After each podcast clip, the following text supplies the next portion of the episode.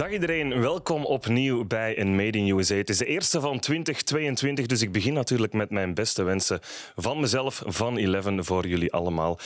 We beginnen met de NFL-podcast en dat gaat over de playoffs, want die komen er stilletjes aan, aan. Ik doe dat opnieuw met een man waar ik geen superlatieven meer voor heb, Jurgen Nijs, de ja, pater familias, ik zei het vorige keer al van de NFL-community. Dankjewel om hier opnieuw te zijn en uh, ook beste wensen voor jou, Jurgen. Dat is heel graag gedaan, Thijs. Ook mijn beste wensen voor jou en natuurlijk ook voor uh, de kijkers en de luisteraars. Ik heb het al eens wel veel televisie gedaan, maar dit is toch wel persoonlijker, want nu zien de mensen mij zitten. Voilà. Dat is altijd zo natuurlijk. Hoe heb je het gevierd? Uh, rustig. Rustig? 2 januari wedstrijd, dus... Ah. En uh, die katers die duren al twee dagen bij jou tegenwoordig. Dus, uh, vandaar... begint al wel mee te tellen, ja. Ja, uh, iemand anders die minder last gaat hebben van twee dagen katers, is een, uh, een jonge Belg, een groot talent in de Canadian Football League, uh, Thibaut de Bailly. Welkom. Dank u wel. We hebben jou vorige keer op ons scherm gezien ja. toen je nog in Canada zat. Uh, vandaag ben je eindelijk in België. Hoe is het geweest? Eerste seizoen? Ja, goed eigenlijk. een heel avontuur. Het, was, het, het is eigenlijk die ja, vijf, zes maanden zijn eigenlijk voorbij gevlogen. Ik heb echt uh, iedere dag geamuseerd, echt leven zoals een prof, met niks anders moeten inzetten. Uh, ook niet meer naar school moeten gaan. Ja, het was eigenlijk echt de max. Dit is mijn verwachtingen ja, te boven gaan eigenlijk. Ja, hoe heb jij het gevolgd, Jurgen? Uh, voornamelijk via internet en proberen uh, wedstrijden te zien en te volgen. Ook iedere keer kijken van zit Thibaut in de, de wedstrijdselectie, uh, zijn er statistieken, om die dan via onze Eleven Sports NFL Facebookgroep te delen en de mensen zo Thibaut te laten volgen. Net zoals ook met Sylvain en met Matthijs trouwens, aanstormend talent, zoals je ook wel weet. Ja, het, is, het belooft veelbelovend te zijn voor de Belgen in dat halfrond van de wereld. Je zegt al heel de dag als een profleven, hoe ziet zo'n dagschema voor jou eruit? Uh, dus we staan eigenlijk op. Ik stond altijd op rond 7.30 uur. Dan ontbijten natuurlijk. Uh, dan rond ja, een uur of ja, kwart na acht. Dan te voet naar het stadion. Ik woonde maar eigenlijk 10 minuutjes van het stadion. Dus 10 minuutjes wandelen naar het stadion. Dan hebben we nog voor een uur, een uur en een half meetings. Dan begon de training eigenlijk om rond 11.30 uur met een half uur uh, walkthrough van de plays die we die week gaan, gaan, gaan, gebruiken tegen de ploeg. En dan om 12 uur tot 1.30 uur 30 is eigenlijk echt uh, ja, training. Dat we dan specifieke scenario's gaan doorlopen, zoals de two-minute drill of, of dan ook special teams die, die we moeten beoefenen. En dan achter training, dus al rond 1 uur gedaan. Dan achter training gaan we dan naar de gym om daar te trainen voor een uurtje.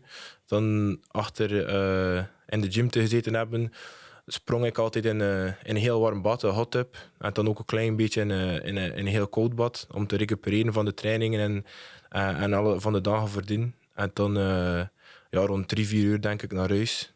En dan is de film al upload van de, van, de, van, de, van de training. En dan kijk je naar jezelf, wat je juist gedaan hebt, wat je verkeerd gedaan hebt, wat je kan verbeteren, hoe dat je beweegt en zo. En dan natuurlijk ook nog film bekijken op de tegenstander ook. Dus het is eigenlijk non-stop voetbal, ja. heel gedetailleerd. Uh, met, uh, dat heb ik zelfs nog niet gehoord, dat uh, de film van de training al klaar ja, was, dat je ook dat bekeek nog. Dat is denk ik ja, een half uur achter dat de training gedaan is, staat dat direct online. En dat is echt alles, dat is van onze ja, onze indie drills die we doen, onze D-line indie drills die we doen, tot de one-on-ones, special teams, offense versus defense, echt alles staat erop. En staan daar dan ook, sorry dat ik je onderbreek, maar staan daar dan ook bemerkingen bij van de coaches zelf? Of moet dus, je zelf ontdekken wat je verkeerd gedaan dus, hebt? Dus uh, wij, wij kijken dat altijd de dag voordien, maar dan uh, de meetings voor, voor de training, de dag erachter, dan kijken we eigenlijk naar de, naar de practice film, wat dat we verkeerd gedaan hebben met onze positiecoach. En ik corrigeer ons dan, uh, ons dan wat dat we goed en verkeerd doen.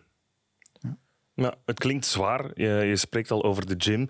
Ja. Uh, voor de mensen die niet kijken, maar wel luisteren. Thibaut heeft een groen hemd aan dat aan de armen bijna uit elkaar spat. uh, denk ik. We hebben het vorige keer ook al gehad over je benchcapaciteiten ja. en wat je allemaal lift. Maar we hebben toen ook gezegd dat er een verschil is tussen Canadian football en American football. We hebben toen gezegd, we gaan dat de volgende podcast uitleggen. Dus we moeten ons woord wel houden. Mm -hmm. Beknopt, kort, niet in een half uur, maar zeg eens wat zijn zo de voornaamste verschillen? Dus de voornaamste verschillen zijn eigenlijk dat uh, 12 tegen 12 is. Um, er is ook een jaar het afstand tussen de, defensive, tussen de line of scrimmage, waar dat de bal ligt, en de defensive line. Dus wij mogen niet dichter komen dan de yard van de bal. Um, en het veld is ook veel groter, wijder en langer. En als je al naar een CFL-match uh, gekeken hebt, ga je ook zien dat de goalpost eigenlijk in het midden van de endzone staat. En de endzone is ook veel langer. Dus, uh, en dat, soms tijdens de match wordt, dat ook, worden, wordt die endzone, wordt die goalpost gebruikt om dan een route te lopen dat, dat de goalpost eigenlijk in de weg staat van de, van de DB. Om dan zo de wide receiver te kunnen vrijspelen. Ja, eigenlijk als een extra verdediger wordt hij dan gebruikt. Ja, ja, ja. Wat misschien ook heel belangrijk is, er worden maar drie downs gespeeld en geen vier. Dus in de NFL heb je eerst drie pogingen en lukt het dan niet om die tien yards te overbruggen, trap je de bal weg. In de CFL heb je maar drie pogingen, mhm. dus moet je dat eigenlijk al bij die derde poging doen. En ook de puntentelling is ietsje anders, want er is ook een, een arrière of een, een behind in het Engels dan. Als je een field goal trapt en je mist die, dan scoor je toch nog een punt. En ook op een kick-off of op een punt, als de bal ook in de eenzone geraakt en de, en de returnteam kan hem niet uit de eenzone brengen, is het ook één punt voor de, voor de ploeg die de bal geschopt heeft. Ja. Ja. ja. Dus eigenlijk allemaal zaken om het eigenlijk iets dynamischer te maken dan de NFL is. En dat zorgt er dan ook voor dat sommige spelers of quarterbacks die uit de CFL toch de overstap kunnen maken naar de NFL. En dan denk ik aan Doc Flutie bijvoorbeeld en een Warren Moon. Ja. Dat moet wel heel ver terug gaan in de tijd. Ja. Meeploeg gespeeld. Ja, dan, dan zit je dus met het feit dat, ja, dat die quarterbacks eigenlijk veel sneller en, en veel beter passen soms in, in, in sommige situaties dan eigenlijk het gewone talent dat via de geëikte weg de NFL binnengedruppeld is. Ja. Ja, jij hebt natuurlijk ook die droom om in die NFL te geraken. Daar ga ik vanuit, uh, laat ons zo zeggen. Wat zijn dan de dingen waar je echt op gaat moeten letten als je die transitie wil maken? Want als ik het zo hoor, de verschillen gaan wel voor moeilijkheden zorgen. Uh, maar ik heb eigenlijk vier jaar in college ook gespeeld. En dat zijn eigenlijk bijna dezelfde regels zoals, zoals de NFL. Dus ik ben die regels ook wel gewend. Het is meer nu de aanpassing naar de, de, de CFL-rules. Vooral op mijn positie, uh, defensive line. Om die, die ene die yard dat je hebt, dat tussen jou en de offensive line is eigenlijk heel groot. En daar, daar ben ik nog altijd aan, aan, aan, het aanpassen, omdat dat je passers verandert. Dat, dat verandert dat je, hoe dat je de, als de runblok is, dat je de runblok verslaat van de, van de offensive line. Dus het is moeilijker om aan die art gewend te worden, dat weer te kunnen terug transitioneren naar de NFL-regels eigenlijk ik, denk, toch. ik denk dat het misschien een voordeel kan zijn dat je daar nu op aan het trainen bent, omdat je, je, je reactiesnelheid zal sneller zijn. Omdat moet, nu moet je al meer anticiperen, omdat je die extra jaar moet overbruggen. Want voor mensen die het niet weten, in de NFL is die, uh, die afstand tussen de twee line of scrimmages, eigenlijk op de line of scrimmage, is eigenlijk enkel gewoon de lengte van de bal die ertussen ligt. Dus dat is minder dan een jaar. En als je nu al zo kan anticiperen wat je moet doen, zijn dat allemaal reflexen die je aanleert als dan die afstand terug kleiner wordt. Ja, dat is waar. We, we, gaan het natuurlijk over de NFL playoffs hebben. Je hebt dit jaar jammer genoeg in de Canadian Football League de playoffs niet gehaald. Um, maar in de NFL hebben we dus wel playoffs. We gaan die integraal uitzenden met uh, vaak Jurgen als commentator. Er zijn een aantal opvallende dingen gebeurd dit seizoen. Er zijn een aantal afwezigen waar we het over moeten hebben, favorieten, maar ook een beetje underdog-verhalen. Ik wil beginnen bij de afwezigen. Wat is ons daar het meeste opgevallen, Jurgen?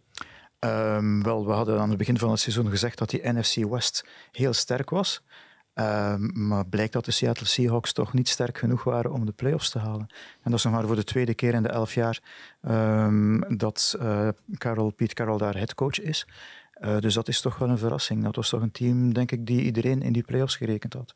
Ja, dat vind ik ook wel. Je ziet dan ook direct aan sommige fans Pete Carroll zitten te ja, haat, eigenlijk haat hebben op Pete Carroll. En terwijl dat, dat, ze eigenlijk, dat hij eigenlijk al heel veel gedaan heeft voor de, voor de Seahawks. En dat vind ik ook altijd jammer in, in, iedere sport. Eigenlijk vanaf dat het een beetje verkeerd had, dan de, dan de, uh, de fans eigenlijk direct ja, een, een rug keren. En uh, ja, ik vind dat Piet Carroll dat hij niet, niet verdient. En Russell Wilson ook niet. Nee, inderdaad niet. Want dat zijn eigenlijk de twee gezichten van de ja. franchise. En natuurlijk zijn zij dan ook, ja, als de bliksem dan inslaat, dan zijn zij niet alleen de afleiders, maar krijgen zij volop die bliksem op zich. Uh, maar als je weet ja, hoeveel headcoaches kunnen er voorleggen, behalve Bill Belichick dan, ja. dat ze in elf seizoenen negen keer de playoffs gehaald hebben. Uh, ze lopen niet dik gezaaid. Ja, wat mij rond de Seahawks was opgevallen, is dat Pete Carroll effectief wordt gezegd: het is het einde van de cyclus. Eén. Uh, maar ik zag ook hier en daar de vraag komen: doen ze wel genoeg rond die Russell Wilson? Zetten ze genoeg rond hem zodat ja, dat eigenlijk alles om hem kan draaien om op die manier te gaan presteren? Wel, dan zit je denk ik met uh, het mechanisme van de NFL en dat is dat je die salary cap hebt. En als een quarterback veel geld vraagt en veel geld krijgt, dan wil dat automatisch zeggen dat je veel minder over hebt om hem te omringen. Dus het is een beetje een afweging die je moet maken van betaal ik hier nu echt uh, de house en de kitchen sink, om het zo te zeggen, naar, uh, naar die quarterback toe? Of probeer ik ervoor te zorgen dat hij wel goed omkaderd is en betaal ik hem ietsje minder? Je hebt quarterbacks die dan al veel gewonnen hebben en dan komen we automatisch terug bij Tom Brady, die dan zegt van ja, geef maar een stukje van mijn loon en dan zien we wel. En zo heeft het eigenlijk jaren gewerkt in New England. Ehm, maar, en het is ook zo bijvoorbeeld, toen Seattle de Super Bowl gewonnen heeft, dan zat Russell Wilson nog op zijn rookie ja. Eh, contract. Dat is dus een contract van vier jaar dat je tekent als nieuwkomer in de NFL. En die bedragen die liggen vast. Daar komt dan eventueel ook nog een vaste bedrag bij voor het vijfde jaar, als dat seizoen verlengd wordt. En dan kan je als quarterback eigenlijk gaan vragen van nu wil ik het geld hebben. En het is dan een voordeel als je een quarterback hebt waar je minder aan moet betalen, dat je die beter kan omringen. En zo zijn de Seahawks eigenlijk in die Super Bowl geraakt en hebben ze die ook gewonnen. Dat eerste jaar en dan tweede jaar het vervolg zijn ze dan Tom Brady aan de Patriots tegengekomen. Ik denk ook als je de, de twee defenses vergelijkt van dat ze nu hebben en dat ze de Super Bowl mhm. gewonnen hebben en toen nog een keer naar de Super Bowl geweest zijn, is ook compleet anders. Dat was echt een all-star defense die zat met, met Bobby Wagner en toen de, de Legion of Boom ook. Dat was echt een, hele zotte defense en ook een leuke defense om naartoe te kijken. En als je nu aan de Seahawks denkt, denk je niet direct meer aan die defense. En een paar jaar geleden eigenlijk wel. Ja, en als je nu aan de Seahawks denkt, dan denk je aan Russell Wilson. Ja. En dan DK Metcalf. Ja. Maar ja, die kunnen het niet alleen doen natuurlijk. Hè. Mm je kan 30 punten scoren, maar als je verdediger 31 laat scoren, dan verlies je. Ja, tuurlijk. En ik denk dat ze dan ook wel in gevaar zijn om DK Metcalf te verliezen, verliezen naar een andere ploeg. Mhm. Als de, ja, DK Metcalf is een speler die sowieso de Super Bowl ook wil winnen. Dat dat niet meer gaat lukken met, met de Seahawks. Dat, hij dan ook wel, dat er een kans is dat hij een andere ploeg gaat. Ja, en ook dat zijn weer de mechanismen in de NFL natuurlijk. Hè. Ja. je had het al over wat mindere verdedigingen, 31 tegenkrijgen als je 30 maakt. Mhm. Dan verlies je uiteraard. Ook bij Baltimore was het dit jaar niet al te goed uh, verdedigend. Ook een van de afwezigen. Ik denk dat Baltimore toch wel veel te kampen gehad heeft met blessures. Ook, ja. En, en met, uh, en, en met, ook met coronabesmettingen en zo op, op cruciale momenten. Dat mag je zeker ook niet, niet weg, uh, wegcijferen, hoe belangrijk dat is. Als je je starting running back al verliest voor het seizoen begint, dan begint het puzzelen om een vervanger te vinden. En meestal is het zo dat de beste spelers op dat moment dan eigenlijk al vast liggen bij andere teams. En dat moet je doen met, ja, het klinkt heel oneerbiedig, de overschot. En dan vind ik dat ze toch nog vrij goed erin geslaagd zijn om lang mee te gaan in die race naar de playoffs. Want eigenlijk hadden ze, ja, mathematisch gezien, hadden ze nog kans om op de laatste speeldag, als ze de wedstrijd wonnen van Pittsburgh, om die playoffs te halen als de blokjes in de juiste richting vielen.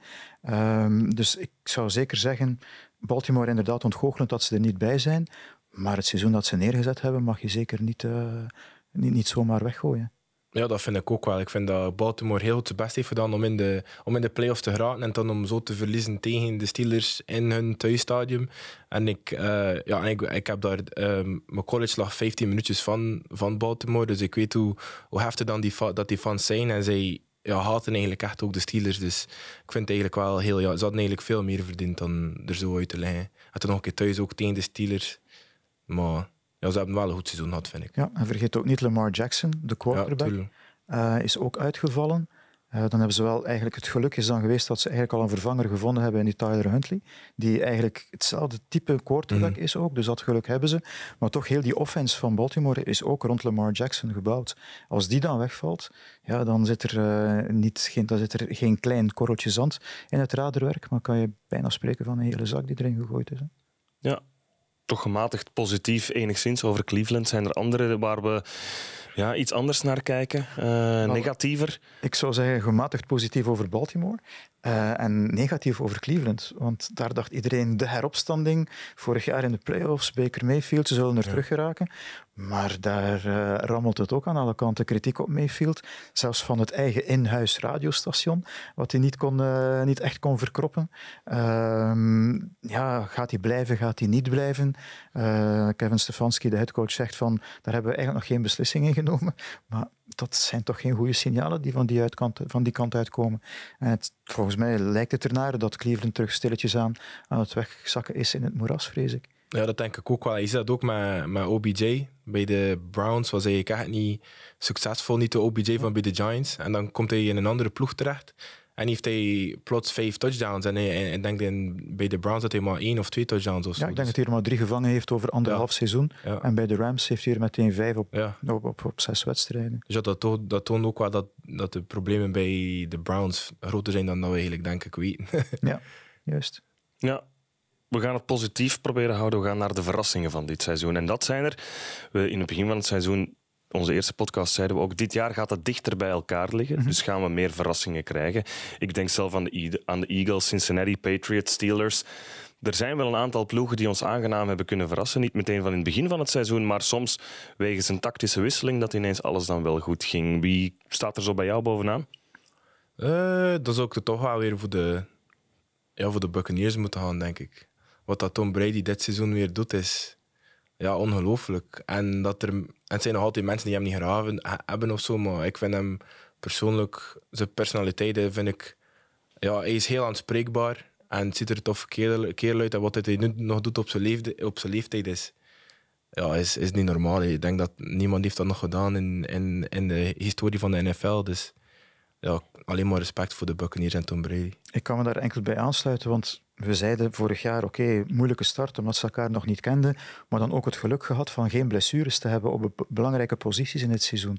Die zijn er dit jaar wel geweest. En kijk, ze staan terug op die tweede plaats in die, in die ranking naar de playoffs toe. Ze staan er terug. Um, en het zal zeker een, een team zijn om rekening mee te houden in die playoffs. En wat mijn verrassing dan betreft, er zijn er eigenlijk twee. Ik had Philadelphia helemaal niet in de playoffs verwacht. Maar daarom dat je zei van aanpassingen die in het midden van het seizoen gebeuren, daar is zo'n aanpassing gebeurd. Uh, eerst werd eigenlijk ja, met Jalen Hurts de nieuwe quarterback, want Carson Wentz die hebben ze naar Indianapolis gestuurd. En als je dan uiteindelijk de laatste week van de competitie bekijkt, hebben ze daar goed aan gedaan. Want het is eigenlijk door Carson Wentz dat de Colts de playoffs niet halen.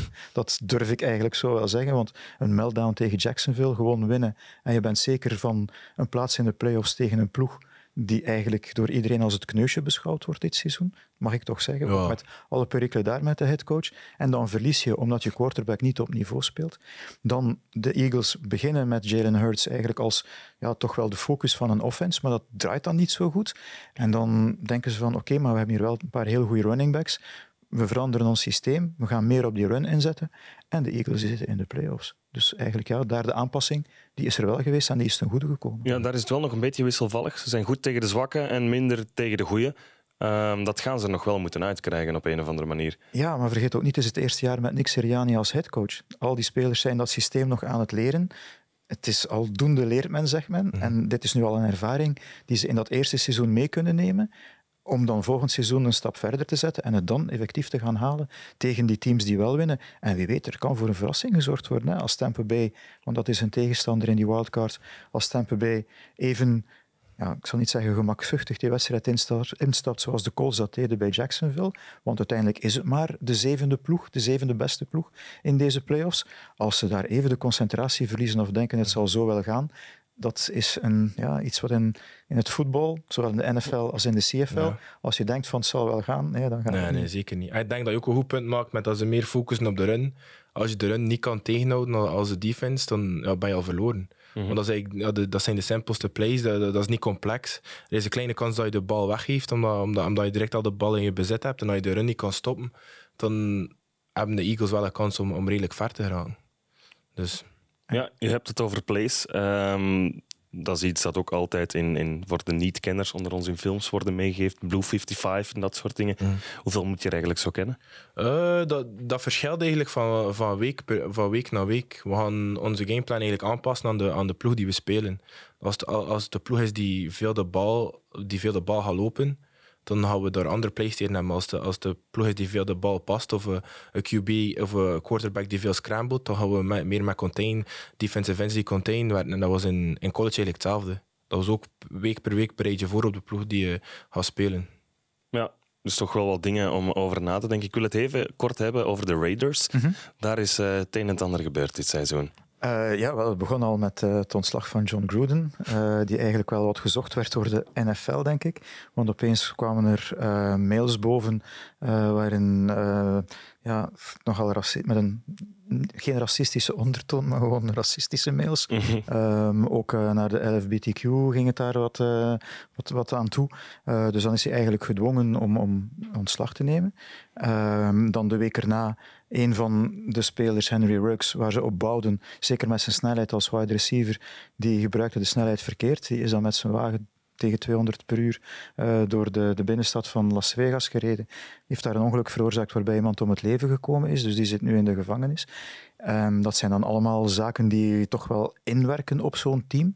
En als je dan ziet hoe uh, John Bisaccia, de, de headcoach, hoe hij dat toch allemaal samengehouden heeft, hoe ze nu in de playoffs terechtkomen, dan denk ik, ja, waarom moeten ze een nieuwe headcoach gaan zoeken? Ik denk dat ze een geschikt persoon aan het hoofd staan hebben nu. Ja, de prijs voor de strijdlust hebben ze al gewonnen, denk ik. Ik denk dan aan die wedstrijd tegen de Chargers, als ik me niet vergis. En als je naar de laatste wedstrijd nu kijkt van, van de Raiders, zie je ook dat er... Het zit iets in hun ogen, dat ze... Ze, zijn like, ze hebben like het doel. En, is, en denk dat dat natuurlijk de Super Bowl is. En ze gaan alles eraan doen om de Super Bowl te winnen. En denk, ik heb de laatste match een beetje gezien van de Raiders. Uh, hoe dat Derek Carr op het veld stond en gewoon zijn lichaamstaal. Als je zoiets iemand hebt als QB, dan ja, dan kan je gewoon de Super Bowl winnen. Hè. Die loopt momenteel door een muur als je ja, wat vragen, ja. denk ik. Is dat die, die Noord-Amerikaanse against all odds mentaliteit dan? Ja, dat denk ik wel. Uh, als ik hier nog speelde in België, had je dat niet echt. Het is ook meer voor het plezier hier. Het is een hobby. En dan, ja, Amerikaans voetbal is dat de grootste sport. Uh, en ja, die coaches zijn ook helemaal anders. Uh, de, de, de, trainingen. Ik weet, ik weet, niet als jullie al een keer de training kunnen zien hebben, maar het wordt al geroepen, het wordt al, iedereen wordt uitgescholden. Maar dat is niet persoonlijk, dat is gewoon voor de ploeg, voor, beter, voor de ploeg beter te maken. En we hebben allemaal één doel en, en dat is om te winnen. En wat je nu ziet met Derek Carr is zeker, hij speelt ja, de pannen van tak eigenlijk, vind ik. Ja, hadden we ook al gezien in de wedstrijd op Thanksgiving tegen Dallas. Uh, daar leek het alsof ze zouden verliezen. Iedereen verwachtte dat ze zouden verliezen. Maar ze hebben daar wel gewonnen. En ja, uiteindelijk als dan de bal aan het rollen gaat en iedereen gelooft erin. Mhm. Plus dat ze nu misschien ook wel... Ja, ze spelen nu ook met een doel, want ze willen de, de, de trofee winnen voor John Madden. Mhm. uh, de man die overleden is twee weken terug. Um, dus dat, dat is nu...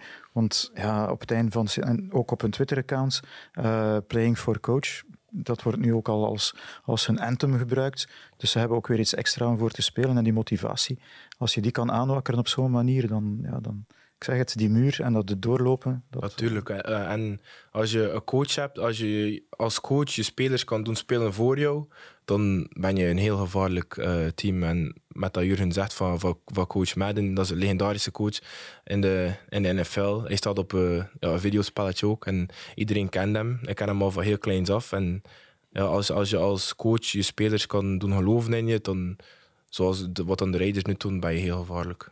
Was dat voor jou een moeilijke transitie om vanuit België, vanuit een hobby te komen, richting dat, ja, die, echt, die Noord-Amerikaanse mentaliteit? Ik heb het eigenlijk altijd, eh, Amerikaans voetbal heb ik altijd al van begin heel serieus gepakt. Omdat ik had al van, van jongs af aan de droom om in college te geraken en daar Division One voetbal te spelen. En ik heb er eigenlijk alles aan gedaan tijdens mijn jeugd om, om dat doel te, te bereiken. En dat was dan gaan trainen en, uh, en zelf filmpjes opzoeken van, omdat de coaches, ik wil geen steen smijten naar de coaches hier, maar zijn ja, van niveau niet hetzelfde zoals in, in Amerika. Dus veel YouTube-video's opzoeken van, zo, van, van, van technieken om te passrushen en hoe dat je het double team moet verslaan. En uh, ja, ik heb er eigenlijk alles aan gedaan om, om, om dat doel te bereiken. Ja, en is zit nu toch in Canada, Jurgen? Ja, maar hij heeft ook in Amerika gezeten. Ja, ik weet het, in college. Ja. Ja, ja. dat was eigenlijk, mijn, dat was eigenlijk mijn, mijn hoofddoel, om echt in, uh, in college te geraken. En dat is dan gelukt. En ik weet nog, vroeger als ik jong was, was er uh, een hele series van, dat noemde All Access. En dat was van de Oklahoma Sooners. En ik denk voor twee, drie jaar een stuk heb ik dat echt iedere dag bekeken een beetje, ja, een beetje maniacaal eigenlijk, daarmee bezig zijn. En, en, en gewoon kijken. Wat, wat ik ook tof vond, is al, dat, al de kleren die ze kregen. En, ik, vond dat, ja, ik vond dat eigenlijk allemaal heel tof.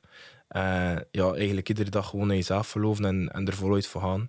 En dan, ja, is het gelukt. dat is het minste wat we kunnen zeggen. Hè? Dat is inderdaad het minste wat we kunnen zeggen. Bij de verrassing wil ik het ook nog even hebben over echt een verrassing qua naam is het niet, want het is een gevestigde waarde, maar toch de Patriots een zachte verrassing, laat het ons zo noemen. Ja, en de ontgoocheling die daar dan tegenover staat, die raakt mij dan persoonlijk. Want uh, als Miami Dolphins fan uh, ja, had ik eerder de Dolphins verwacht in de playoffs. Zeker na het seizoen vorig jaar. Dan de Patriots, waarvan men dacht van die gaan in een heropbouwmodus terechtkomen met een nieuwe quarterback en zo. Maar blijkbaar um, hebben ze hun huiswerk goed gemaakt. Wisten ze dat Mac Jones mee in hun systeem ging passen. We hebben het erover gehad ook, dacht ik, bij onze eh, onze podcasts met Thanksgiving laten hem rustig groeien. Eerste korte passes, vooral bouwen op die verdediging en hem zeker geen domme fouten laten maken waardoor de wedstrijd verloren gaat. En dan meer en meer krijgt hij dan dat zelfvertrouwen. Geven ze hem ook dat vertrouwen dat hij de diepere passes mag gaan, dat hij meer die playbook onder de knie krijgt. En het resultaat is dat ze inderdaad opnieuw in de playoffs zitten. Ja, dat denk ik ook wel. En ze hebben ook wel Mac Jones heel goed opgeleid. En Mac Jones komt ook van een zeer goede school, dus het is zeker geen domme gast. En ja, de, ze, de QB ervoor was Tom Brady. Dus ze weten eigenlijk perfect dat ze de. Ze, weten, ze, hebben, ze hebben de, ja, de blue script omdat ze een perfecte QB moeten maken. En dat zijn ze nu met Mac Jones denk ik ook aan het doen. Dus ik denk dat we uh, nog niet het laatste gehoord hebben van Mac Jones. Nee, want Buffalo zal moeten opletten. Hè. Ze hebben verloren van, van de Patriots. Hè. Ook al spelen ze thuis. De laatste keer thuis hebben ze ook verloren. Dat was die wedstrijd waarin Mac Jones denk ik drie passes geworpen heeft over heel de wedstrijd, omdat er zoveel wind was. Het zal opnieuw winterse omstandigheden zijn. Uh, dus het zal opnieuw afhangen, denk ik, van de running game. Want ja, wie de beste running game daar zal kunnen voorschotelen, die denk ik zal de wedstrijd winnen. Ja, ik heb hier al een paar keer het woord tijd, groeien, rustig aan uh, gehoord bij verschillende spelers. Is dat zo? Krijg je zoveel tijd op dat niveau in Amerika? De, de QB is natuurlijk een heel complexe positie. De defensive line moet wij, wij moeten ook aan dingen denken en aan dingen focussen, maar ja, QB is veel moeilijk. Ik kan, kan daar zelf niet over meepraten. Dat is, dat, is, dat is veel te moeilijk. Ik had dat niet verleden met de positie die, die ik speel. Uh, ja, dat is eigenlijk heel complex. Die playboeken zijn ja, zo, zo dik. Dat is echt... Ja, je moet toch, een QB gaat nooit de dommerik zijn. Dat gaan altijd heel, heel slimme kerels zijn. Ja, ze moeten ook alles kunnen, ja, kunnen verwerken van wat ze zien. Ja. Als ze zien dat Thibaut zich bijvoorbeeld opeens niet rechts maar links gaat opstellen, dan moeten zij eigenlijk al kunnen concluderen van oké, het zou kunnen zijn dat die verdediging nu tegenover mij staat en dan moeten ze al verder gaan van de play die ik gekregen heb. Zal die daar goed tegen bestand zijn of moet ik naar mijn alternatieve play gaan? Moet ik die nog doorgeven? Mm. Zo van die zaken meer. Dus het is eigenlijk vrij makkelijk als wij commentaar geven en wij zien een onderschepping gooien van te zeggen van ah, ja. quarterback had dat moeten zien. Maar wat er allemaal aan die play vooraf gaat, om daar even bij stil te staan, dan word je toch eventjes stil. Mhm. Ja. En ook, uh, ik, had een, ik had een filmpje zien van Tom Brady. Die zegt aan zijn QB, eh, aan zijn running back, welke coverage dat is in het midden van de play. Dus dat, toont, dat toont gewoon hoe, hoe, slim dan die QB's zijn. En uh, eh, QB zoals Tom Brady of Aaron Rodgers kan ook gewoon ja, de blitzes al uh, callen voordat het eigenlijk gebeurt. Omdat ze, ze kijken kosten continu film en dat is, ze zijn daar 24 uur mee bezig op een dag. En ja, dat is, maar ik had dat niet met mijn positie vergelijken. Ik denk het ideaal scenario om een quarterback in de NFL in te leiden, is als je nog een, een oudere quarterback hebt in je team die bereid is om zijn opvolger op te leiden. Ja. En dat hij dan de tips meegeeft en de, de tricks waar je naar kijkt, hoe je zich voorbereidt en dergelijke meer. Um, en dan eigenlijk gewoon stilletjes aan die jongere quarterback de kans geeft om te groeien en te spelen. Dat is bijvoorbeeld ook gebeurd met Patrick Mahomes. Die zat achter Alex Smith een heel jaar. Smith die was bereid om hem dingen te leren, dingen aan te geven. En dat heeft eigenlijk mee de basis gevormd van de Mahomes die we nu zien. Zijn talent, samen met de voorbereiding en wat hij geleerd heeft van Smith, hebben geresulteerd in twee Super Bowls op rij. Daar, dat kan je eigenlijk zo zeggen. Wat ik denk dat voor een quarterback, een jonge quarterback die onmiddellijk in het diepe gegooid wordt, wat daar het probleem is, is de aanpassing van snelheid van college naar de NFL. Omdat in college een goede quarterback, die staat sowieso ook in een goed team. Dat, dat kan je eigenlijk zeggen. Die heeft ook talent rond zich staan.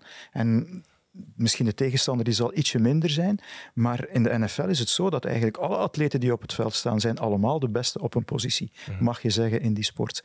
En om dan die, ja, te kunnen aanpassen aan de snelheid van het spel. Ik denk dat dat belangrijk is. En het is dat ook dat je ziet als er zo'n jonge quarterback, zoals nu Trey Lance bijvoorbeeld van San Francisco, waar we de eerste wedstrijd van gehad hebben tegen Arizona, daar zag je dat hij dat hij moeilijkheden had om die verdediging te lezen, om te weten wat er op hem afkwam in zijn laatste wedstrijd die hij gespeeld heeft tegen Houston. In het begin ging het ook wat moeilijk, maar dan zag je in de wedstrijd zelf dat plays die ze eerst geprobeerd hadden, die niet lukten, dat de coachingstaf het vertrouwen had om die play nog eens te laten gebeuren en dat dat dan wel een positief resultaat opleverde. Dus je zag Lens eigenlijk groeien in die wedstrijd.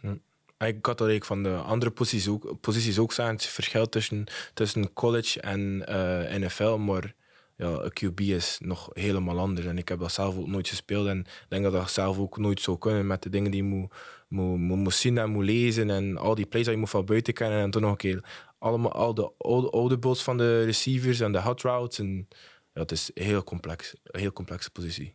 Heel complex, maar gaan nodig zijn in de playoffs een goede QB. En dan uh, komen we van de verrassingen naadloos uit bij de favorieten. Het zijn er een paar dit jaar. Um, dus ik wil ze onderverdelen in AFC en NFC. Mm -hmm. Laat ons beginnen bij de AFC. Um, ehm, Thibaut, ik wil een naam van jou. Uh, Jurgen Majestan. net iets Dat is gemakkelijk. Zich verschuilen achter, okay. achter Jurgen. Dan zet ik mijn glas even aan de kant. Uh, in de AFC. Uh, wel, ik denk nog altijd de Chiefs, eerlijk gezegd. Um, omdat Tennessee, die, die staan op de eerste plaats. En dat is op zich ook al een verrassing, een zeer positieve verrassing eigenlijk. Zeker als je weet dat Derrick Henry, hun, hun, hun ster running back, dat hij uitgevallen is uh, eind december. En dat ze nu toch nog op de eerste plaats staan. Heeft er dan weer mee te maken dat Kansas een steken heeft laten vallen tegen misschien wel mijn underdog in deze playoffs, en dat is Cincinnati. Zullen zij er voor het eerst in slagen om een playoff-wedstrijd te winnen sinds 1990? Ik herhaal nog even, sinds 1990. Toen waren Thibaut en ik nog niet geboren. Uh. Uh, dus zo lang is het geleden, maar met Joe Burrow. En dan hebben we terug zo'n quarterback waarvan je denkt van vorig jaar was hij goed bezig, raakte geblesseerd, maar nu speelt hij helemaal de pannen van het dak. Dus hij is er, hij is aangekomen. Ik denk dat dat het team is waar de Chiefs zullen voor moeten opletten. Niet zozeer Tennessee. Uh, Derrick Henry die zal waarschijnlijk terug zijn, maar zal die dezelfde kracht hebben, dezelfde power hebben als hij had voor hij geblesseerd is? Dat is de vraag. En ik zie Ryan Tannehill toch nog altijd op het cruciale moment een fout maken. Ja. Maar dus AFC, Chiefs of Bengals? Ja, die Tennessee Titans op de eerste plek die krijgen dus een week extra langer mhm. rust, als ik uh, me niet vergis. Hoe belangrijk is dat? In het geval van de Titans is het zeer belangrijk, omdat Derrick Henry een extra week krijgt om Um, om van die blessure te, te, genezen en te herstellen. En voor de rest denk ik voor alle spelers, Thibaut, als je zo'n extra week hebt, dan al de, kleine blessuurtjes. Uh, ik zal het niet hebben over ingescheurde teennagels, want daar kijken jullie niet naartoe. Maar ik denk toch wel dat zo'n week recuperatie dat dat wel belangrijk kan zijn. Ja, dat is, dat is eigenlijk heel belangrijk, maar dat kan eigenlijk ook in, in het nadeel spelen, omdat je dan ja, eigenlijk al een beetje langer stil ligt en Wel. een beetje roestiger bent. Mhm. Maar ja, recuperatie is, is zeer, zeer, heel belangrijk in een sport zoals Amerikaans voetbal. Dus dat is zeker wel een voordeel hebben. Want ik denk in de playoffs in de, de, de, MLS dit seizoen, de twee ploegen die als eerste zijn geëindigd in een conference, lagen er de, de volgende ronde meteen uit. Want die waren mentaal niet klaar na die mhm. rustperiode. Ja, ja uh, ja, je, klapt over, je, je praat over uh, de mentale voorbereiding. Natuurlijk, als je die, mhm. die week rust hebt, kan, de, kan je al een keer een beetje meer relaxed aan de wedstrijd beginnen. En de wedstrijd kan eigenlijk al gewonnen zijn in het eerste, mm -hmm. in het eerste kwart, als je, als, je, als je er echt niet klaar voor bent. En ik weet ook dat sommige coaches liever niet die, liever niet die extra week rust hebben. Dat ze gewoon in hetzelfde tempo kunnen blijven doorspelen en doortrainen. En, en gewoon dat ze dat ritme niet kwijtraken. Dus uh, ja, sommige coaches hebben het graag, sommige, en sommige spelers hebben dat. Ik denk dat de spelers dat sowieso wel graag gaan hebben, dat ze kunnen extra recupereren en zo. Want daar komt dan weer de vraag op de proppen van, ja, je weet dat je naar de playoffs gaat, zoals Philadelphia bijvoorbeeld. Wat doe je dan in die wedstrijd die nog moet gespeeld worden? Zij hebben er ook voor gekozen om de meeste van hun starters eigenlijk te laten rusten. Ja. Hebben zo die week rust ingebouwd. Maar dan natuurlijk de vraag, en dan zal dan weer de kritiek zijn, mochten ze uh, een pak slaag krijgen in die eerste ronde van... Dat is achteraf natuurlijk. Ja, van is, ja, had je niet beter toch gespeeld in die week, dat dat ritme en die continuïteit er gebleven zijn. Dus ja, dat is... Uh... Ja, dan is het eigenlijk al te laat. Als, als de match verloren is, is dat te laat. Maar ja. iedereen heeft zijn voorkeuren. Ja wat over dat uh, komt. Wat zou jouw voorkeur zijn, Thibaut? Ik zou liever gewoon blijven doorspelen. Omdat je zodanig in dat ritme zit van ik sta zo laat op, ik moet dan gaan trainen, hm. dan heb ik gedaan. En als je dan die week, dan die week kan rusten, ben je, ben je ook een beetje... Ja, ben je niet meer dezelfde mindset. Allee, vind ik toch voor, voor, voor, mij. Dus ik zou liever gewoon doorspelen. Ja, ook al omdat je niet weet wie je tegenstander is. Ja. Dat is al de volgende stap dan, want op wie moet je je voorbereiden? Op dat vlak, ja, je kan natuurlijk al beginnen kijken naar de twee teams, maar ja, echt intens voorbereiden mm. kan je ook nog niet. Dus, uh... Kunnen we in de AFC de, de Bills er ook nog bij rekenen? Um, ze zitten natuurlijk in de playoffs en het is een nieuwe competitie die begint. Iedereen heeft kans. En de match moet nog altijd gespeeld worden. Niet, uh, alles kan gebeuren in een match. En als je in de playoffs zit, dan heb je kans om de Super Bowl winnen. Zo, zo simpel is het eigenlijk. Ja. Het kan. Ja, het kan. ook- ja. De eerste horde die ze zullen moeten nemen zal al de belangrijkste zijn. Ja. De Patriots. Dat eh, waren twee minuten vol clichés. Dan gaan we, We hadden het Oh. toch over de Patriots. dan gaan we over naar de NFC. Daar zijn er net iets meer. Daar ligt het iets dichter bij elkaar. Dat mogen we wel zeggen. Mhm. Ik denk, ja, Packers, Buccaneers, Cowboys. Ja. Eh, en eigenlijk kan je daar misschien nog wel de Rams, de Cardinals en misschien zelfs Philadelphia aan toevoegen. Ehm, moet ik weer eerst? Oh, ik ga anders bij. Ik, ik denk dat de favoriet daar voor mij is, is, de, is de Buccaneers. Omdat je, daar, je hebt daar Tom Brady. Hij heeft al genoeg Super Bowls gewonnen. En je weet wat dat is om in de playoffs te spelen en om in belangrijke momenten ja, het beste van, van, van zichzelf boven te halen. Dus ik denk dat, je, dat het altijd heel gevaarlijk is als je tegen, tegen Tom Brady eh, je geld zet. Ik kan Thibaut volledig volgen wat dat betreft. En de Saints die zitten niet in de playoffs, tot grote opluchting waarschijnlijk van de Buccaneers. Want dat is toch het zwarte schaap, daar kiezen ze altijd van. Dus, maar dat heeft dan natuurlijk wel weer als gevolg dat de teams die tegen de Buccaneers zullen spelen, dat die wel gaan kijken hoe het defensive gameplan van de Saints geweest is. Omdat ze weten Ja. van, oké, als we die strategie volgen, dan kunnen we het de Buccaneers wel moeilijk maken. Ehm, en het zal er ook van afhangen welke wide receivers hij tot zijn beschikking heeft. Van Godwin, die is out voor de season. Eh, Evans is terug hersteld. Ja. Maar en daar zullen we het misschien straks nog over hebben. Antonio Brown, die is er niet meer. Daar wil ik het Eh, straks uitvoerig nog eh, over dus nu hebben. zijn het eigenlijk de mindere goden die, die op de proppen moeten komen, zoals een, eh, een, een Cecil Grayson, eh, zoals een, een Johnson. Eh, namen, ik moet zelfs even nadenken naar hun naam en naar hun voornaam.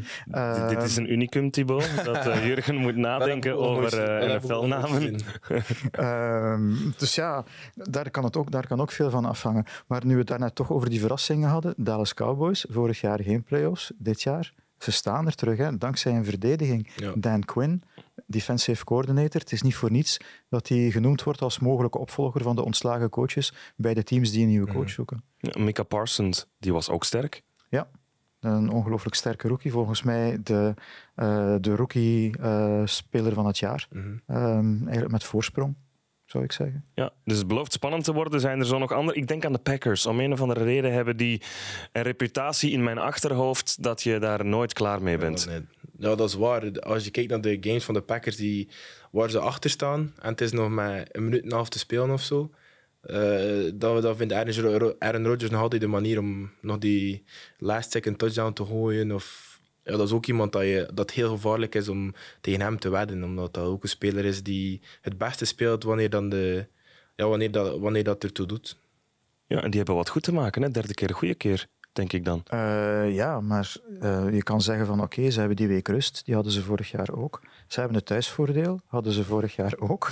Ehm, maar ja, wat moet er dan gebeuren om toch nog die laatste stap te zetten? Eigenlijk hadden ze die vorig jaar al moeten kunnen, moeten kunnen spelen, die Super Bowl. En toen kwam een zekere meneer Brady met zijn Buccaneers Ja. op de proppen. En, Een beetje de rode draad van de laatste Ja. eh, x aantal jaren in de NFL. Ja, en zeker in de NFC is het zo dat die, die topteams, en, en, en dat zal zijn zolang ze die quarterbacks hebben, ehm, zoals Thibaut zegt, Rodgers heeft alles al gezien, zal waarschijnlijk mentaal op alles wel een oplossing weten te vinden. Zolang je Devontae Adams heeft als wide receiver, heeft hij daar een goede uitlaatklep. Hetzelfde kan je zeggen van Brady. Wat heeft hij nog niet gezien wat een verdediging tegenover hem kan zetten? Ehm, en daar zal het ook weer afhangen van de receivers. Zullen die mee het niveau kunnen halen van, ehm, van, van de quarterback? En ik denk, ehm, en Thibaut spreekt mij tegen als ik het verkeerd zou hebben, ik denk dat misschien de beslissing wel eens zou kunnen liggen bij de offensive line. Ik denk dat die van de Buccaneers sterker is dan die van de Packers, waardoor Brady misschien net meer tijd krijgt om te functioneren dan Rodgers. En ik denk dat, ze, dat de O-line van de Buccaneers ook gewoon meer ervaring heeft dan de, dan de O-line, van, de, van de Packers. Dus. En het begint ook, daar wordt er niet veel over gepraat over de O-line, maar daar begint het eigenlijk bij op, op iedere offense. De O-line is eigenlijk de belangrijkste schakel van iedere offense. De QB natuurlijk ook, maar als, er geen, als de O-line niet blokt en de QB wordt iedere keer gesackt of de running back wordt iedere keer getackled in de, in de backfield, dan kan je gewoon geen wedstrijd winnen. Ja. Dus- En dat is ook wat er gebeurd is, om terug te gaan naar onze eerste uitzending met Trevor Lawrence. Die offensive line was gaten met kaas. Uh, en dat heeft zijn seizoen ook enorm beïnvloed. En dat was vorig jaar ook het geval met Joe Burrow in Cincinnati. Heeft ook tot die knieblessure geleid. Die lijn is nu een klein beetje sterker. Um, maar ik denk dat hij nu beter voorbereid is ook op de snelheid van het spel. En die, ja, als de offensive line dan faalt, om een zwaar woord te gebruiken, dan is hij daar al beter op voorbereid om te doen wat moet gedaan worden. En Jamar Chase, die erbij gekomen is als wide receiver, en ook uh, bijna dat blindlingsgevoel heeft, want ze hebben ook ja. met elkaar samengespeeld in, ja. in Louisiana State University. Die vinden elkaar bijna blindelings en dat helpt ook om dan die problemen van die offensive line op te vangen. En ik denk ook, de, eh, de Jaguars hebben de, weer de eerste pick in de draft, dus als ze een goede left tackle of een goede right mhm. tackle mm -hmm. kunnen, kunnen draften, dan ja, Trevor Lawrence is een van ik, als hij wel kan hij een van de beste QB's ooit worden. Als je kijkt naar zijn record in college en dan in high school. Ik denk dat hij in college en high school maar twee keer verloren heeft in heel zijn carrière of zo. Dus ja. een goede O-line en ja, dan gaan we ook nog eigenlijk veel horen van Trevor Lawrence. Ja, we hebben het kort al aangehaald, de Buccaneers en Antonio Brown. Het is een hele soap geweest. Uh, hij had er genoeg van op een bepaald moment tijdens een wedstrijd. Uh, hij is ermee gestopt. Maar we weten nog niet alles daarvan. Uh, er zijn wat dingen die we nog ja, moeten uitleggen, even Jurgen, uh, die met de situatie mee te maken hebben. En het misschien een beetje verzachten voor de Buccaneers tegenover Antonio Brown. Ja, want uiteindelijk je hebt twee zijden van de medaille. En je hebt uh, wat Antonio Brown vertelt en wat dan de Buccaneers vertellen. Uh, en wat dan uiteindelijk ook aan aan het licht komt. Dus Antonio Brown heeft meteen gezegd van ze hebben mij gevraagd om te spelen terwijl ik geblesseerd was. Mijn enkel deed pijn en uh, het ging niet meer. En ze hebben dan gezegd dat ik het moest afbollen. Uh, dat is zijn versie van de feiten. Um, als je dan Bruce Arians hoort, dan heeft hij hem inderdaad gevraagd om te spelen. Is hij niet het veld opgegaan, was dat de reactie. Maar heeft hij ook aan niemand gezegd dat hij last had van de enkel? En dan komt achteraf nog aan het licht dat hij eigenlijk in de week voor die wedstrijd dat hij gevraagd heeft om um, het geld dat hij zou moeten verdienen door een aantal uh, in zijn contract vastge vastgestelde uh, niveaus te bereiken, een aantal catches dat hij maakt, yards, touchdowns, dat hij gevraagd had om dat geld toch al gegarandeerd te maken, zonder dat hij die doelen moest bereiken. Ja. En de Buccaneers hebben gezegd van nee, dat doen we niet. En dan stond hij op het veld een paar keer in een package, waar hij dacht van Brady gaat nu de bal naar mij gooien, maar het ging dan naar de andere wide receiver, waardoor hij aanvoelde van ik ga mijn minimum of wat ik hier moet bereiken niet halen. En dan geef ik er de brui aan. En eigenlijk is het een, een lijn die we kunnen doortrekken van beide Steelers, van beide Raiders. Het is gewoon iemand met een handleiding. En die handleiding hebben ze een tijdje kunnen, uh, kunnen volgen. Maar blijkbaar was er toch nog ergens een achterzijde van een blaadje dat niemand nog gelezen had. Ja. En dat is nu naar de bovenkant gekomen. Ja, het is misschien wel goed dat het opnieuw een beetje het debat op gang brengt dat je hier en daar wel hoort van. In die Amerikaanse competities spelen of moeten spelen met blessures of verzwijgen dat je blessures hebt. Mm -hmm. Ben jij dat al tegengekomen, Thibaut? Uh, van verzwijgen echt. Ik heb, ik heb dat zelf nooit gedaan. De, de coaches en de trainers hebben ook liever dat je, als je gekwetst bent, dat, dat je het zegt tegen de trainers. En het is nog altijd um, een verschil tussen pijn hebben en gekwetst zijn. Als je gekwetst bent, gaat er geen één coach je spelen als je, als je pijn hebt, wat dat heel veel gebeurt in het Amerikaans voetbal, kan je wel nog altijd spelen. Dus ja, heeft dan Antonio Brown gewoon pijn of is hij echt gekwetst? Maar als hij het niet vertelt aan de, aan de medical staff, dan kunnen de coaches dat ook niet weten. En dan gaan ze natuurlijk willen hebben dat, hij speelt. Dus uh, wanneer is eigenlijk nog altijd een hele goede ja, wide receiver. Maar ja. Maar jij hebt die druk bijvoorbeeld in college nooit echt gevoeld, omdat je weet zeker in college, als je geblesseerd bent, ja, dan heb je, heb een beetje een probleem. Uh, dus eigenlijk in college, als je, ze gaan je nooit uit de ploeg smijten als je geblesseerd bent. Ze gaan je eerder uit de ploeg smijten als je uh, ja, dingen doet van het veld die, niet, uh, van, van het veld die je niet horen, zoals ja, slechte, slechte punten halen of, of in de problemen komen met de politie. Dan ga je al veel eerder uit de ploeg gesmeten worden. En ik heb ook uh, het seizoen van 2018 heb ik ook maar één uh, match gespeeld, omdat ik ook met de blessure, omdat ik een blessure had in mijn nek.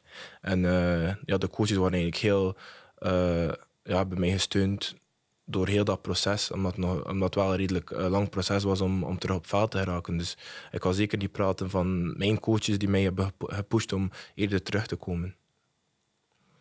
Des te beter zou ik dan denken. Ja. Uh, maar het is hier en daar toch al wel ja, maar het in het nieuws zo, gekomen. Het is eigenlijk een ongeschreven wet in de NFL die hier en daar wel al eens overtreden wordt. Dat als een speler zijn positie verliest door blessure, dat hij die positie eigenlijk terugkrijgt als hij terugkomt. Dat hij terug Normaal mag spelen.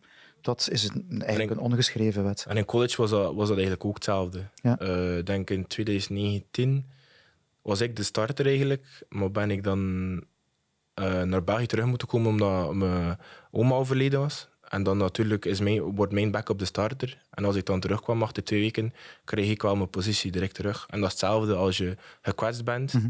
En ze zien in training dat je weer klaar bent om te spelen, dat je, dat je terug je, jouw positie krijgt als starter. Dus je status die ligt een beetje vast van aan het begin van het seizoen, bij wijze van spreken. Van eigenlijk je status, je gaat, je gaat eigenlijk maken dat je, welke, als je starter wil zijn, moet je maken dat je kan bewijzen tijdens trainingskamp.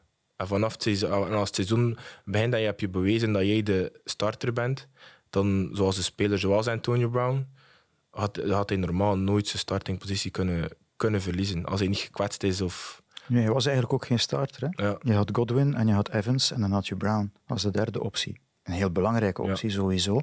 Mm, En die plaats die had hij, die derde receiverplaats. Maar als je dan fratsen begint uit te halen, Ja, ja, tuurlijk. dan, ja.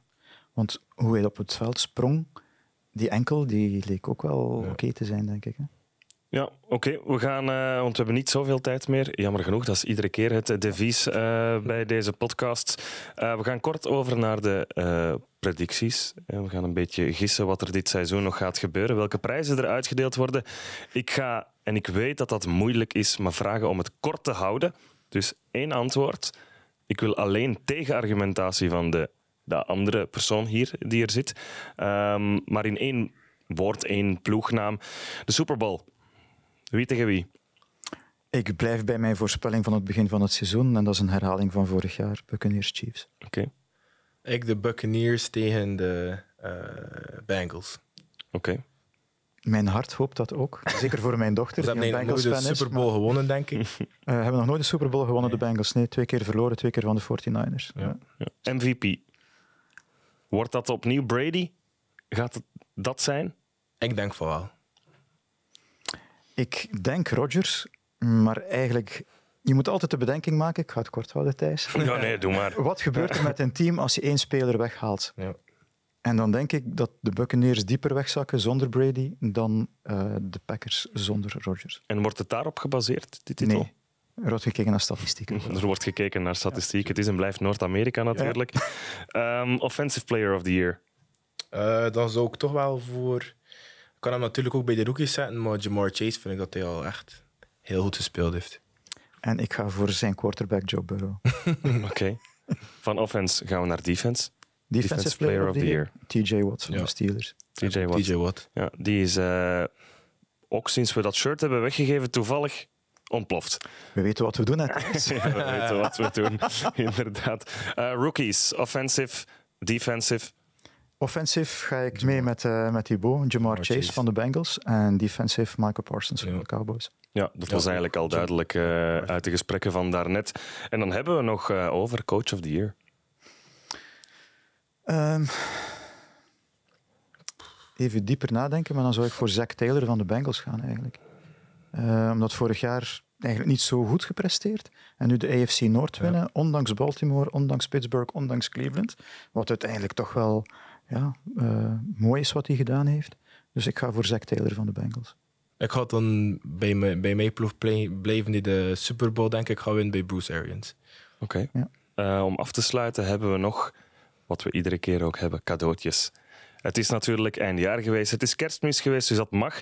Want wij geven opnieuw een Madden 22 eh, game weg. Wij geven een code weg, maar Jurgen, jij had de kopie mee, zodat we het mooi konden laten zien aan de, de camera. Maar dat is niet alles. We hebben eigenlijk een heel mooie primeur, een heel mooi cadeautje van Thibaut zelf. Yes. Je kan dus beide prijzen winnen. Je gaat dat zo meteen zien wat dat is. Dat is eigenlijk een prototype game jersey van de ploeg die ik voorgespeeld heb in, eh, in Amerika voor vier jaar. Oké. Ik kan winnen. En wat moeten ze daarvoor doen om eh, zowel het Madden 22 als het shirt tezamen te kunnen winnen? Dus sub subscriben op de YouTube-pagina Van van 11. 11. Ja, En dan in de comments. eh, de vraag is: wa- voor welke collegeploeg heb ik gespeeld voor, in vier, voor vier jaar? Ja, dus je hoort het op YouTube eh, naar de, het 11-kanaal gaan. Onder de aflevering, deze aflevering van Made in USA, de podcast over de NFL Playoffs. Reageren in welke collegeploeg dat uh, Thibaut heeft gespeeld. En dan wens ik jullie daar alvast heel veel succes mee. Jurgen, jij hebt ook nog een uh, mededeling over de playoffs. Ja, nog even reclame maken ook voor onze Eleven Sports NFL Facebookgroep. Daar zitten we nu bijna aan 4500 leden. En zoals ik altijd zeg tijdens de uitzending, we hebben er nooit genoeg. Hoe meer ziel, hoe meer vreugd. Zeker omdat we daar ook wedstrijden doen. We hebben onze fantasy-competitie gehad. Nu in de playoff gaan we de playoff challenge doen. En dat wil dus zeggen dat je een ploeg moet samenstellen met spelers die in de playoff deelnemen. Anders zou het een beetje dom zijn natuurlijk. Maar je moet dus een ploeg samenstellen in de wildcard, een ploeg samenstellen bij de divisional, een ploeg stellen, samenstellen bij de conference en dan met de Super Bowl. En als je uh, een speler bijvoorbeeld al in de wildcard opstelt en neem nu bijvoorbeeld Aaron Rodgers, de quarterback van de Packers, die zal in de eerste week niet spelen, levert geen punten op, maar in week twee zijn het zijn punten maal twee. Gaan ze verder, is het maal drie. En spelen ze de Super Bowl, zijn het de punten maal vier. En zo moet je eigenlijk proberen in totaal het meeste aantal punten te scoren met jouw team, waar je dus een quarterback, twee wide receivers, twee running backs, een tight end, een kicker en een defense moet kiezen. Maar ga zeker naar uh, ja. de Eleven Sports NFL Facebookgroep. Ja. Daar bovenaan vast geankerd uh, staat de uitnodiging om deel te nemen aan die challenge. Uh, schrijf je in. Eleven Sports NFL is de groep. Het paswoord is Eleven Sports. Het kan maar zo simpel Goh, zijn eigenlijk. moeilijk om te onthouden. Maar het moeilijkste is dan om die ploeg samen te stellen ja. natuurlijk. Kies daar de spelers uit waarvan jij denkt dat ze het langste zullen meegaan in de playoffs. En dan win je ook weer een mooie prijs bij ons. Ja, we zullen de link ook nog in de descriptie op YouTube schrijven. Ik heb ook nog goed nieuws, want in die groep zit ook Thibaut de Bailly. Dus als je na vandaag nog vragen hebt voor hem over de feestjes in Amerika, het leven in Canada, uh, hoe Poetin uh, smaakt, het nationale gerecht bijna in Heel lekker? Nee. Niet lekker? Nee. Oké, okay. nee. die vraag moet je dus al niet meer stellen. Kaas en frietjes, dat gaan, dat gaan niet samen. Het is kaas en mayonaise en dat is het. Ja, kaas en mayonaise. Oké, okay, Misschien ook vragen uh, op universiteit hij gespeeld heeft. Hè? Ja, dat kan je ook doen. ja. um, je gaat dan wel heel veel berichtjes krijgen misschien uh, na deze aflevering, maar dan uh, is het totaal niet. Maar zo. Goed, om af te sluiten wil ik nog zeggen dat wij ook een reportage gedraaid hebben met onder andere Thibaut en twee andere jonge Belgen. Jurgen Nijs, jij bent dat gaan doen. Mm -hmm. ja. Vertel eens. Uh, dat zijn Sylvain Jonjoin en Matthijs Lazore. Sylvain speelt bij de Georgia Tech um, Golden, uh, Yellow Jackets. En Matthijs speelt bij William and Mary Tribe.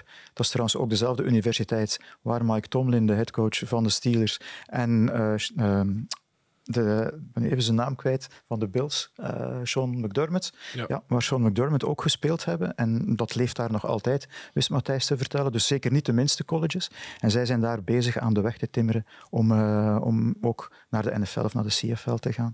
En wat een leuke bonus was, is dat ook de mama's erbij waren. En we hebben hen ook aan het woord gelaten. Ja, het was zeker de moeite om naar te kijken. Um, je kan dat absoluut zelf ook opnieuw bekijken. Het is ook heel fijn om te zien dat uh, de drie jongens met een ingebeelde de uh, American footballbal een paar drills hebben gedaan op de dijk in Oostende. Uh, is heel interessant om eens naar te kijken. Ik kan er wel wat uit leren. Ik wil ook nog zeggen voor de Franstaligen onder jullie of de mensen die tweetalig zijn of goed Frans kunnen of in Frans willen oefenen, dat ook onze Franstalige collega's met Maxime Doom aan de hoofdmicro een aflevering over de NFL hebben opgenomen. Dan bedank ik jullie voor het luisteren. Dan bedank ik jou, Jurgen, voor opnieuw je deskundige weetjes. Ik uh, her ik onthoud wel dat je hebt moeten nadenken over namen vandaag. En dat is een unicum. En uh, vooral Thibaut, heel erg bedankt om hier vandaag fysiek aanwezig te zijn. Dank je, dank je om er mogen te zijn. Hele ja. eer. Ik denk dat we jou nog eens kunnen zien binnenkort voor de Super Bowl, want jij moet uh, pas in mei ja. terug naar Canada. Kijk dit weekend ook zeker om half elf op Eleven Sports 2 op zaterdag tegen, naar de Bengals tegen de Raiders. En... Uh, ik zou zeggen, geniet van de NFL Playoffs en uh, graag tot de volgende keer voor Made in USA. Dankjewel.